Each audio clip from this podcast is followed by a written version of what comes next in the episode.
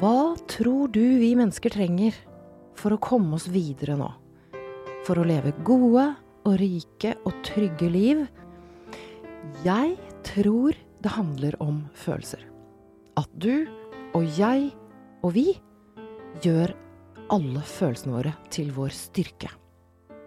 Jeg er Katrine Aspaas, og du hører på Oppdrift.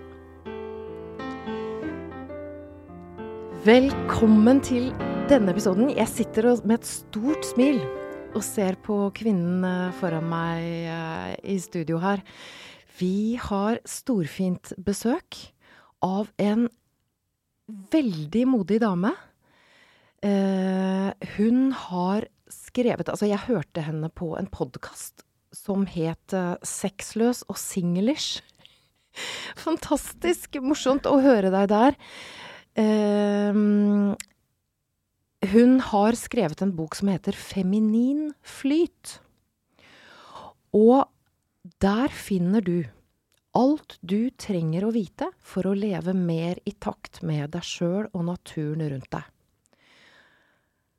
Det er en invitasjon til å lytte til kroppen din, ta flere pauser og leve mer i flyt.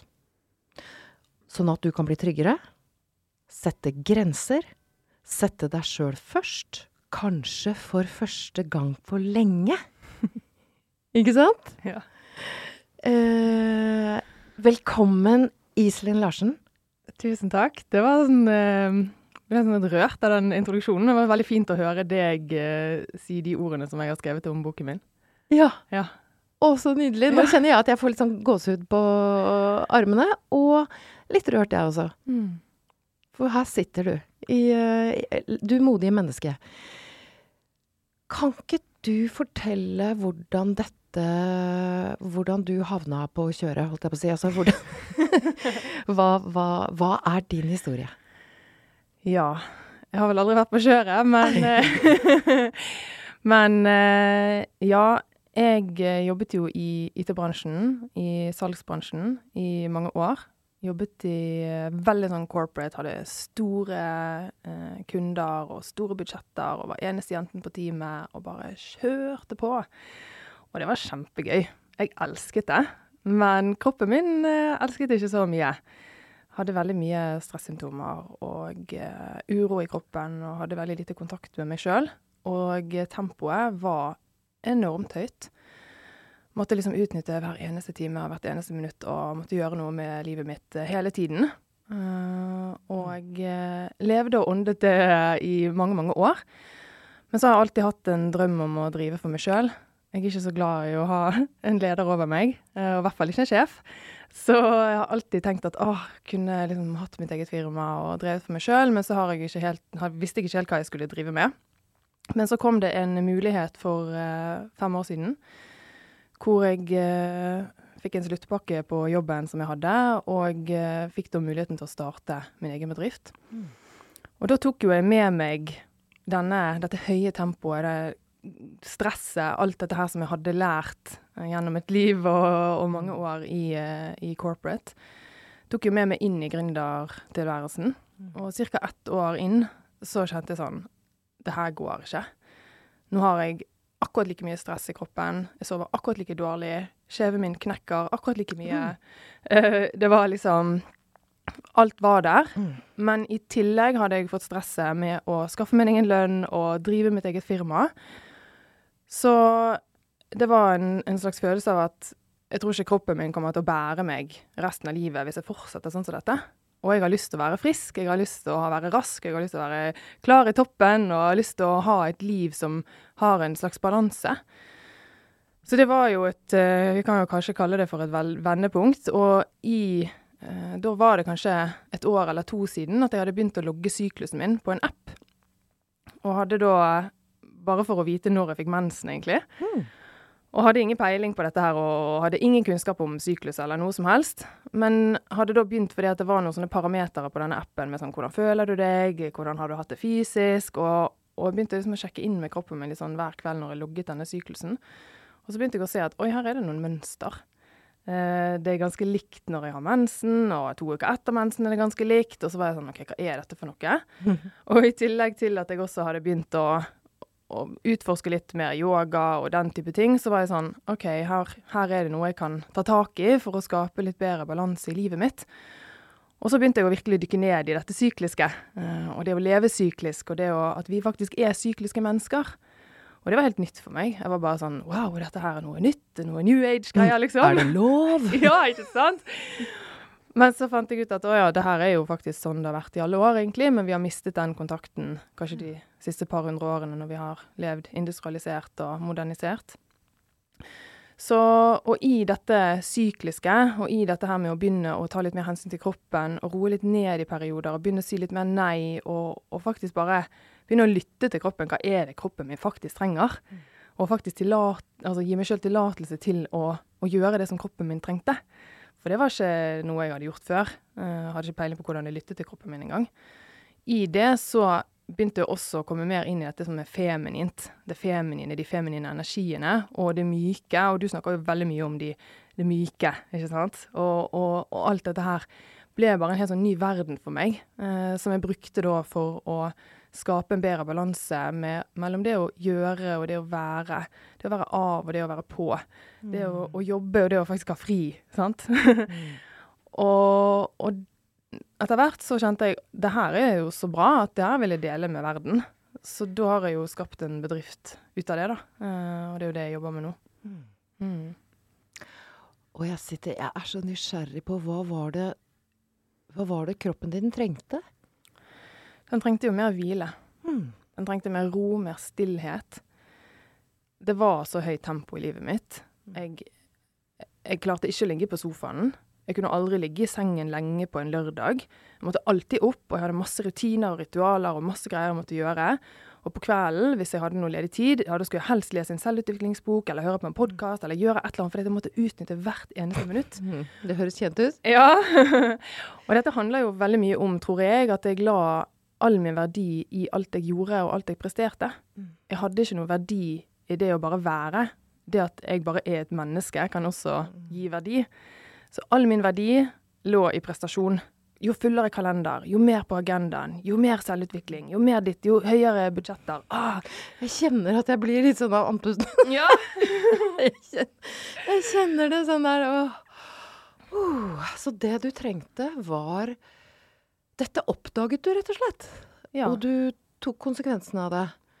Ja, for jeg kjente jo hva det gjorde med den fysiske og mentale kroppen min. Jeg hadde jo veldig, så, sleit veldig med søvn. Jeg syntes det var veldig vanskelig å sovne på kvelden, for jeg hadde mye sånn tankekjør. Jeg kunne ofte våkne midt på natten og ikke få sove igjen. Jeg kunne våkne grytidlig om morgenen. Jeg gikk til kiropraktor og neprapat og sånn en gang i uken for å liksom knekke ting opp. Eh, jeg eh, hadde veldig vondt i nakken og ryggen. Jeg hadde mye stress da kroppen min var i ubalanse. Og det var jo dette som var en slags inngang til at vil jeg ha det sånn her resten av livet? Hva kommer til å skje med kroppen min? Jeg har ikke lyst til å være gammel og ha masse vondter og på masse medisiner. så det var egentlig det som var inngangen. Det Hvorfor ikke det? Det gjør jo, resten, det gjør jo vi andre. Ja, ikke sant? Men altså, da, og der er vi jo inne på litt sånn Jeg sitter jo her og bare smiler og er så utrolig takknemlig for at du gjør det arbeidet du gjør, Iselin. Altså, jeg mener det virkelig fra dypet av min sjel. Og det din generasjons Altså, jeg ønsker å benytte anledningen til å hylle eh, din generasjons eh, kvinner, som nå, med deg i spissen og de, dere, da, som utforsker syklusen, som våger å ta den plassen. Mm. Ikke sant? Fordi at øh, jeg, jeg kunne jo Vi sitter jo i hver vår generasjon. Og jeg sitter og klapper i loffene mine når jeg ser deg og den generasjonen din øh, tulle med mensen og bare la det være Altså, jeg holdt på å si henge tamponger på juletreet. Altså, vi er ikke der ennå, men, men jo Altså, virkelig ta plass, da. Mm. Og, og protestere. Altså våge å protestere mot det tempoet og, og utforske det på egen måte.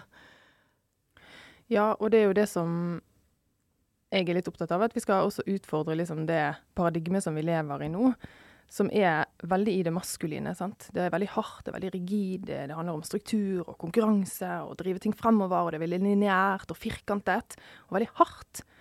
Og det er veldig fint på mange måter, men når det bare blir det, da mister vi jo halvparten, som er det feminine. Og det å tørre å lede seg sjøl på en litt mer feminin måte, det å, sånn som du sier, ta den plassen på en litt ny måte, det å tørre å være på en litt annen måte, men faktisk da være seg sjøl. Ikke sant? Fordi at veldig mange av oss kopierer alle andre. Vi er veldig fokusert på hva er det de andre tror, hvilken retning burde jeg velge? Vi skal gjøre X, Y og Z for å være lykkelig og for å prestere godt og for å, å være verdt noe. Og dette her gjør jo noe med oss fordi vi fjerner oss fra den vi egentlig er. Og for meg, da, hvis vi skal snakke litt om mangfold, så er jo mangfold for meg handler ikke om å telle hoder i antall kvinner og menn. Det handler for meg om at vi skal få lov til å være hele oss. At både menn og kvinner kan få lov til å være, sånn som du sier, alle sine følelser, alle sine egenskaper. At det kan få lov til å være litt mer myke verdier på arbeidsplassen, fordi det er naturlig for oss. Ikke fordi at noen har sagt at det må være X, Y eller Z. Mm. Det å, å bare At alle kan få lov til å være mer av hele seg, og at det er OK. Og at hvis jeg trenger hvile, så trenger jeg hvile. Og hvis jeg hviler, så får jeg faktisk en opptur etterpå. Mm. Jeg hviler jo ikke fordi at jeg er lat, eller fordi at jeg ikke har noen ambisjoner, eller fordi at jeg er en sløv person. Jeg hviler fordi at det gjør meg godt. Fordi at jeg blir skarpere. Jeg blir mer kreativ. Jeg får mer energi. Jeg får gjort mye mer på kortere tid. Det er så mye som kommer ut av det. Og det er jo det jeg har Åh, lyst til å formidle. Å, det er deilig en sånn setning. Hvile er Det er jo sånn for meg som er økonom, og for alle økonomer der ute. Jeg er jo veldig nysgjerrig på hvordan hvordan dette vi snakker om nå, lander hos deg som hører på. Jeg, jeg ser deg for meg jeg håper du hviler, får jeg kontakt med nå. Jeg håper du ligger et eller annet sted. Kanskje er du ute og går en, uh, går en tur og tar kontakt med naturen, eller kanskje kjører du bil. I hvert fall utrolig glad for at du er her. Og så um, Og så er jeg nysgjerrig på hvordan det lander. Og som økonom, da, så hørte jeg deg si, Iselin, hvile er effektivt. Mm. Tenk deg det! Det er effektivt å hvile. Vi, og det er det. Det er effektivt å hvile. Ha hvilerom på, på arbeidsplassen. Ja, vi, kommer litt inn i hvordan kan dette se ut i praksis etter hvert. Uh, jeg ser jo nå Jeg så en uh, reportasje nå om en toppleder. De får jo ikke tilbake Vi har jo fått hjelp av korona, egentlig, mot det myke. Mm. Ja, ja, absolutt. Altså, jeg så en toppleder som ikke får menneskene sine tilbake Har trøbbel med å få folk tilbake på arbeidsplassen. Fordi folk jobber jo så mykt og så eh, effektivt, og så De liker seg veldig godt mm. på eh, hjemme. Og han har jo skjønt at å, jeg skal ikke piske dem tilbake og true med å si dem opp hvis de ikke kommer tilbake. Nei. Så i beste dagsrevytid så gikk han rundt og tente stearinlys. Altså, vi har kommet til duftlys i corporate, altså. jo, men, og vi kan le, men det, altså, for meg er det så Altså, det er så håpefullt mm. at vi kan uh, Altså som, bare som et symbol, da. Uh, lys, stearinlys, er jo et veldig sterkt symbol på noe som er varmt. Og et fellesskapssymbol. Mm. Og at det kan komme inn i corporate-verdenen. Men hvordan kan det se ut eh, i praksis, dette, denne litt sånn mer sånn sykliske måten å leve på?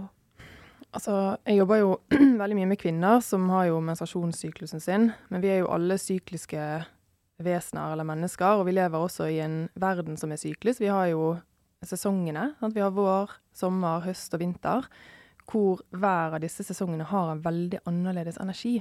Det er en helt annen energi på våren og sommeren mm. enn det er på høsten og vinteren. Samtidig så er vi forventet at vi skal være lik hver eneste dag hele året. Ikke sant? Det er ikke noe rom for at å ja, nå er det en sesong der man kanskje skal være litt roligere. Mm. Det er sånn, jeg syns jo det er et paradoks at den første vintermåneden, som er desember, det er den mest travle måneden for veldig mange. Og det blir helt sånn OK. vi går sånn imot vår egen natur. Ah. Og det er jo dette her med å begynne å kjenne etter for kroppen sin. Hva er det jeg trenger nå? Hvor er jeg i min syklus? Enten om jeg er på topp med energi, eller om jeg er på bunn med energi. Om jeg føler meg veldig veldig kreativ, eller om jeg rett og slett ikke føler meg kreativ i det hele tatt. Og akseptere det. Og ikke presse det frem. Ja. Fordi vi tenker at jeg må være kreativ hver dag, jeg må være produktiv hver dag, jeg må ha energi hver dag, jeg må gjøre ditt og x og y og z. Og istedenfor å tenke at det er faktisk helt OK at ikke ting er på topp hele tiden, og tillate det og akseptere det, så pusher vi oss sjøl. Og min respons på det her før var jo at hvis ikke jeg hadde energi, hvis ikke jeg var kreativ, hvis ikke jeg hadde alt dette her som jeg følte at jeg måtte ha hver dag, da tenkte jeg da må jeg gjøre mer. Da må jeg drikke mer sellerijus, da må jeg prøve bulletproof coffee, da må jeg trene mer, da må jeg eh, skrike til meg sjøl i speilet, da må jeg ditt og jeg må jeg datt, og så jeg måtte bare gjøre mer og Må, mer og må, mer. må. Ja. Ja. Istedenfor å tenke Ah, hva om jeg gjør mindre? Hva om jeg sier nei til den ene avtalen som jeg, har, som jeg skal ha?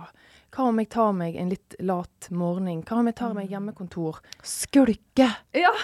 Og det er en sånn Jeg, jeg kan jo fortelle en av mine sånn yndlingsaktiviteter for å trappe ned. For jeg gjenkjenner alt du sier, og når jeg ler mens du snakker, så er det fordi jeg, jeg ler med deg, fordi jeg kjenner meg så godt igjen. Men det å tillate seg, lage sånne Hva vil du tillate deg? Det er jo å lytte etter. Jeg lager sånne lapper som jeg har lært av eh, min liksom, emosjonelle styrketrener, Brené Brown. Mm. Eh, lager lapper. Jeg tillater meg å skulke. Det er en av de sånn, viktigste lappene. Det er sånne lommer av frihet.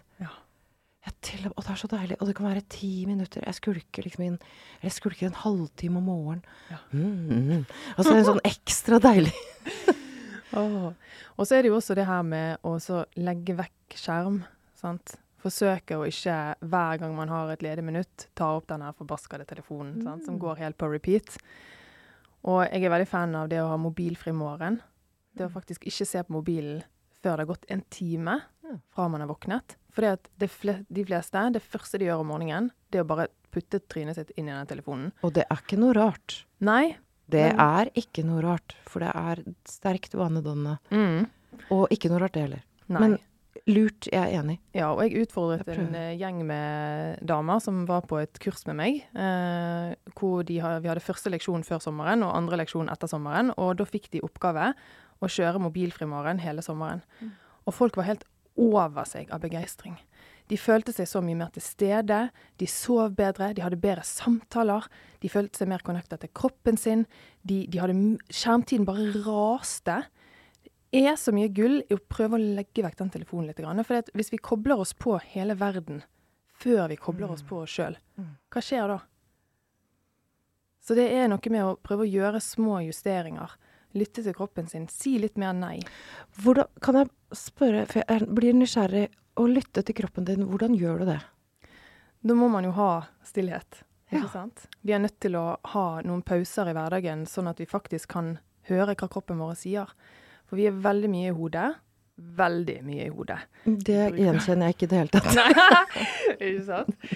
Vi er veldig i hodet, veldig tenker mye, logikk prøver å løse alle utfordringene våre med hodet, og skrur av kroppen.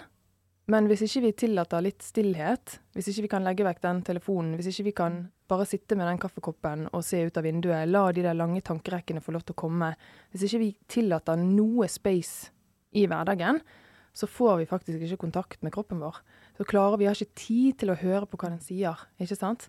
For kroppen vår kommuniserer med oss hele tiden. Men når vi bare er i hodet, og vi løper fra det ene til det andre, Mm. så klarer ikke vi å høre hva han sier. Så altså det jeg hører deg si og så, og så høres det så enkelt ut, så er det jo ikke lett å gjøre, men det å faktisk settes Tåle seg selv. Mm. Tåle meg selv. Tåle meg selv der jeg sitter øh, og roer ned. Mm. Ja. Nå ser jeg Jeg ser jo at du puster eh, nå, men det å eh, Det å tillate stillheten, søke den, eh, hedre den kanskje. Mm. For vi, vi, det er jo ikke noe rart at vi hedrer tempo. At vi hedrer uh, uh, det å være travel som et statussymbol. Mm. Det har vært et Ikke sant? Vi skal jo Det paradigmeskiftet du snakker om, det er å takk og lov for at du gjør det, det handler jo om å Altså de, når du snakker om maskuline prinsipper, som er kjempefine, som er mer, større, raskere. Ikke sant? Framover. Og så har du de feminine prinsippene, som er mykere, langsommere, dypere. Og når de kan spille på lag, altså det er jo det som er paradigmet, at vi tillater de å jobbe mykt. Mm. Og det er jo ikke fordi at vi skal gå fullt over i det feminine, men vi må skape en balanse. Mm. At vi kan gå inn og ut av det. Og det feminine er jo de hvilene, det er den, den pausen, den roen. For at det å gjøre skal bli enda bedre. Veldig mange av oss pusher oss sjøl så mye og bare Jeg må bare gjøre litt til. Jeg må bare gjøre litt til. Og istedenfor å ta den pausen, som faktisk hadde gjort at du hadde kunnet fått gjort så mye mer på den timen, så drar du det gjennom den. Uten å være produktiv, uten å være kreativ. Men jeg tror jo at det er flere grunner til at folk syns det er vanskelig å være i stillhet og være i ro. For det første så er det det som du snakker om, at vi legger all verdien vår i det å gjøre. Vi har blitt opplært til dette, så vi må faktisk avlære det. Vi må avlære. Åh. Og så er det også dette med at veldig mange syns det er skummelt med stillhet, for da kommer plutselig mange ting som man ikke har sett på før. Følelser, tanker, ting man har trykt ned. Man må begynne å være ærlig med seg sjøl. Og det er en ganske tung jobb. det er det. Så, så det er jo mange grunner til at, at dette her skjer. Det er det. Nå bare klapper jeg i luftene, for det, det er så gjenkjennelig, og det er, det er ikke noe rart vi flykter fra de følelsene som da dukker opp, og vi må begynne å være ærlige med oss sjøl. Og de følelsene som dukker opp, kan, er jo ofte ubehagelige. Fordi vi er jo skapt med, med flere ubehagelige følelser enn behagelige følelser. Ja, Og så tror vi at det er noe gærent med oss når vi kjenner det ubehaget, og så Men hva gjør du da i praksis for å holde ut deg selv? Det har vært en eh, liten reise i seg sjøl. det å faktisk bli kjent med de følelsene som jeg ikke har kjent på tidligere. Og da Hvilke jo- er det? Skam og bitterhet og Yes, yes. sorg og alt det her som er sånn mørkt, som man tenker sånn Nei, det vil jeg ikke ha! Mm. Men det som jeg tror, og det som jeg opplever, er at når jeg har, jo mer jeg har kjent på det mørke og det som er langt nede, jo høyere blir toppene mine. Ja, jo lysere blir det. Ja, Mm. og der er vi jo igjen på dette her med at ting bølger, ting svinger. Jeg tror jo livet blir veldig flatt hvis ikke vi tør å se på det som ligger der. Det Så det, det er det vi går glipp av. Vi går glipp av fargene i livet. Mm. Vi går glipp av altså, opplevelsen av mening og opplevelsen av liv, da. Ikke Mm. sant? At, men hva mer går vi Nei, jeg vil, jeg vil holde deg fast litt grann mer i eh, For jeg spurte jo uh, hvordan setter du deg ned og holder ut deg selv? Og så hørte jeg deg si Mm. at da tillater du de mørke Det som er forbudt, da. De forbudte følelsene. Ja.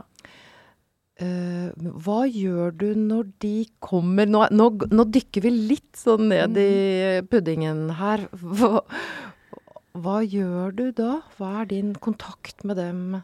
Hvordan Ja. ventilerer du? Jeg har jo Jeg syns jo dette med det emosjonelle er ekstremt spennende, og har jo faktisk fant jo deg for mange år siden, og dette med å bygge emosjonelle muskler.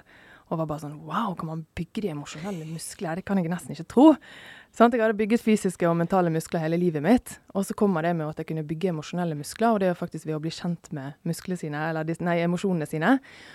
Og det som jeg eh, faktisk begynte med, var jo Og det her er jo litt eh, spirituelt, da. Eh, men det å holde måneseremonier for meg sjøl. Eh, nymåne- og fullmåneseremonier. Rett og slett bare for å ha en arena hvor jeg kunne sette meg ned og gjøre det. Og besøke disse følelsene. Og skrive de ut, grine de ut, skrike de ut. Hva nå enn det skulle være. Så, og jeg har også jobbet en del med noe som Jeg husker ikke hvor jeg lærte det, men emosjonelle hus. Eh, eller at jeg er et emosjonelt hus. Og si at jeg har 100 følelser da, i dette huset. Og på hver så har jeg 100 rom, da. Med hvert rom har en følelse. Og på hver dør da, inn til disse rommene så står det en følelse. Kanskje det står skam eller tristhet eller sorg eller sinne eller bitterhet eller whatever.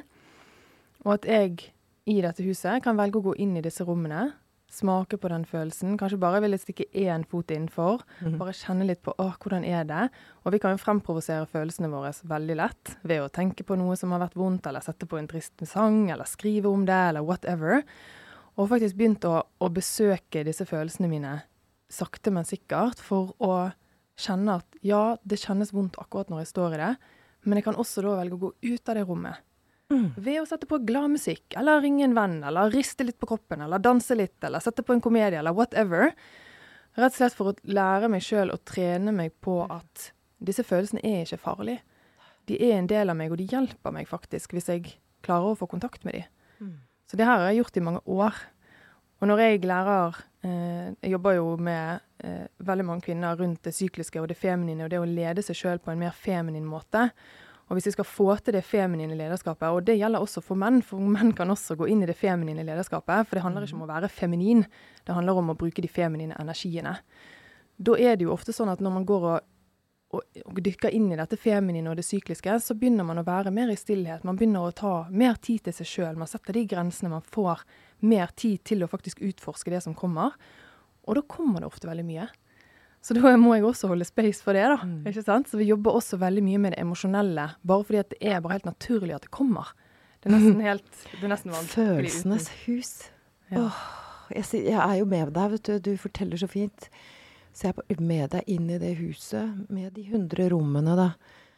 Og så blir jeg sittende og tenke Hvor har jeg Hvor har jeg skammen, eksempel? Altså, jeg har en sånn veldig sånn eh, Jeg tenker at Eller jeg kjenner nå at den eh, sitter i magen, altså.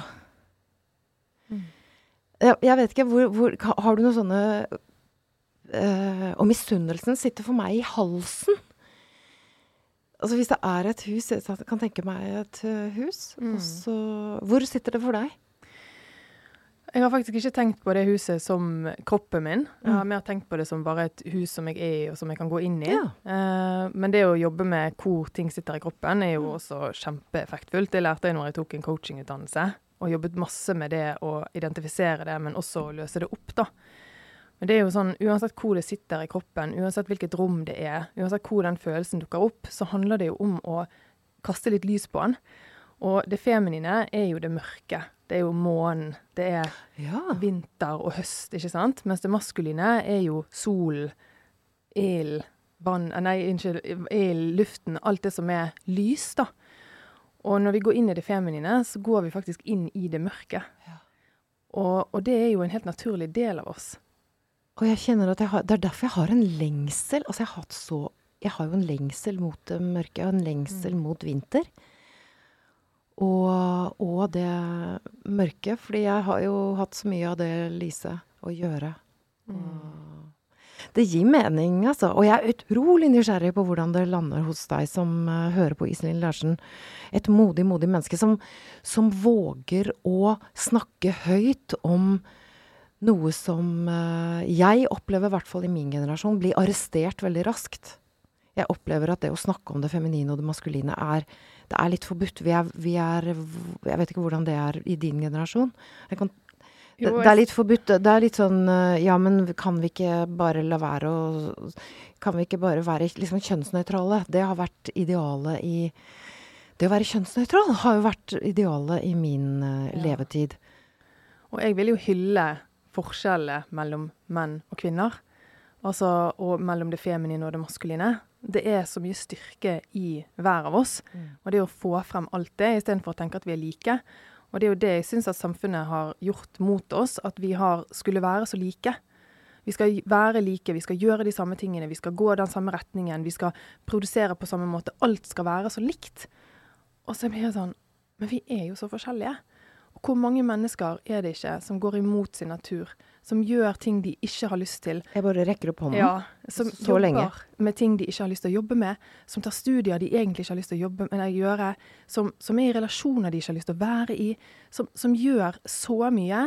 Og jeg pleier å si det at 40-årskrisen, den skyldes ikke at du blir 40, den skyldes at du ikke har levd i takt med deg sjøl. Og plutselig så kommer man til et punkt der man kjenner at herregud, livet mitt er jo Jeg har, jeg har, jeg har gjort alt det som jeg ikke ville. Men jeg trodde at det var riktig, og jeg har søkt utover, utover, utover. istedenfor å søke innover. Ikke sant? Mm. Og hva skjer da? Jo, da ender man opp midt i livet og tenker faen. Og det er jo så deilig at vi gjør det. De fleste av oss gjør det jo, ikke sant? Så det er jo sånn Hvis du, hvis du kjenner igjen dette her, så er det ikke noe rart.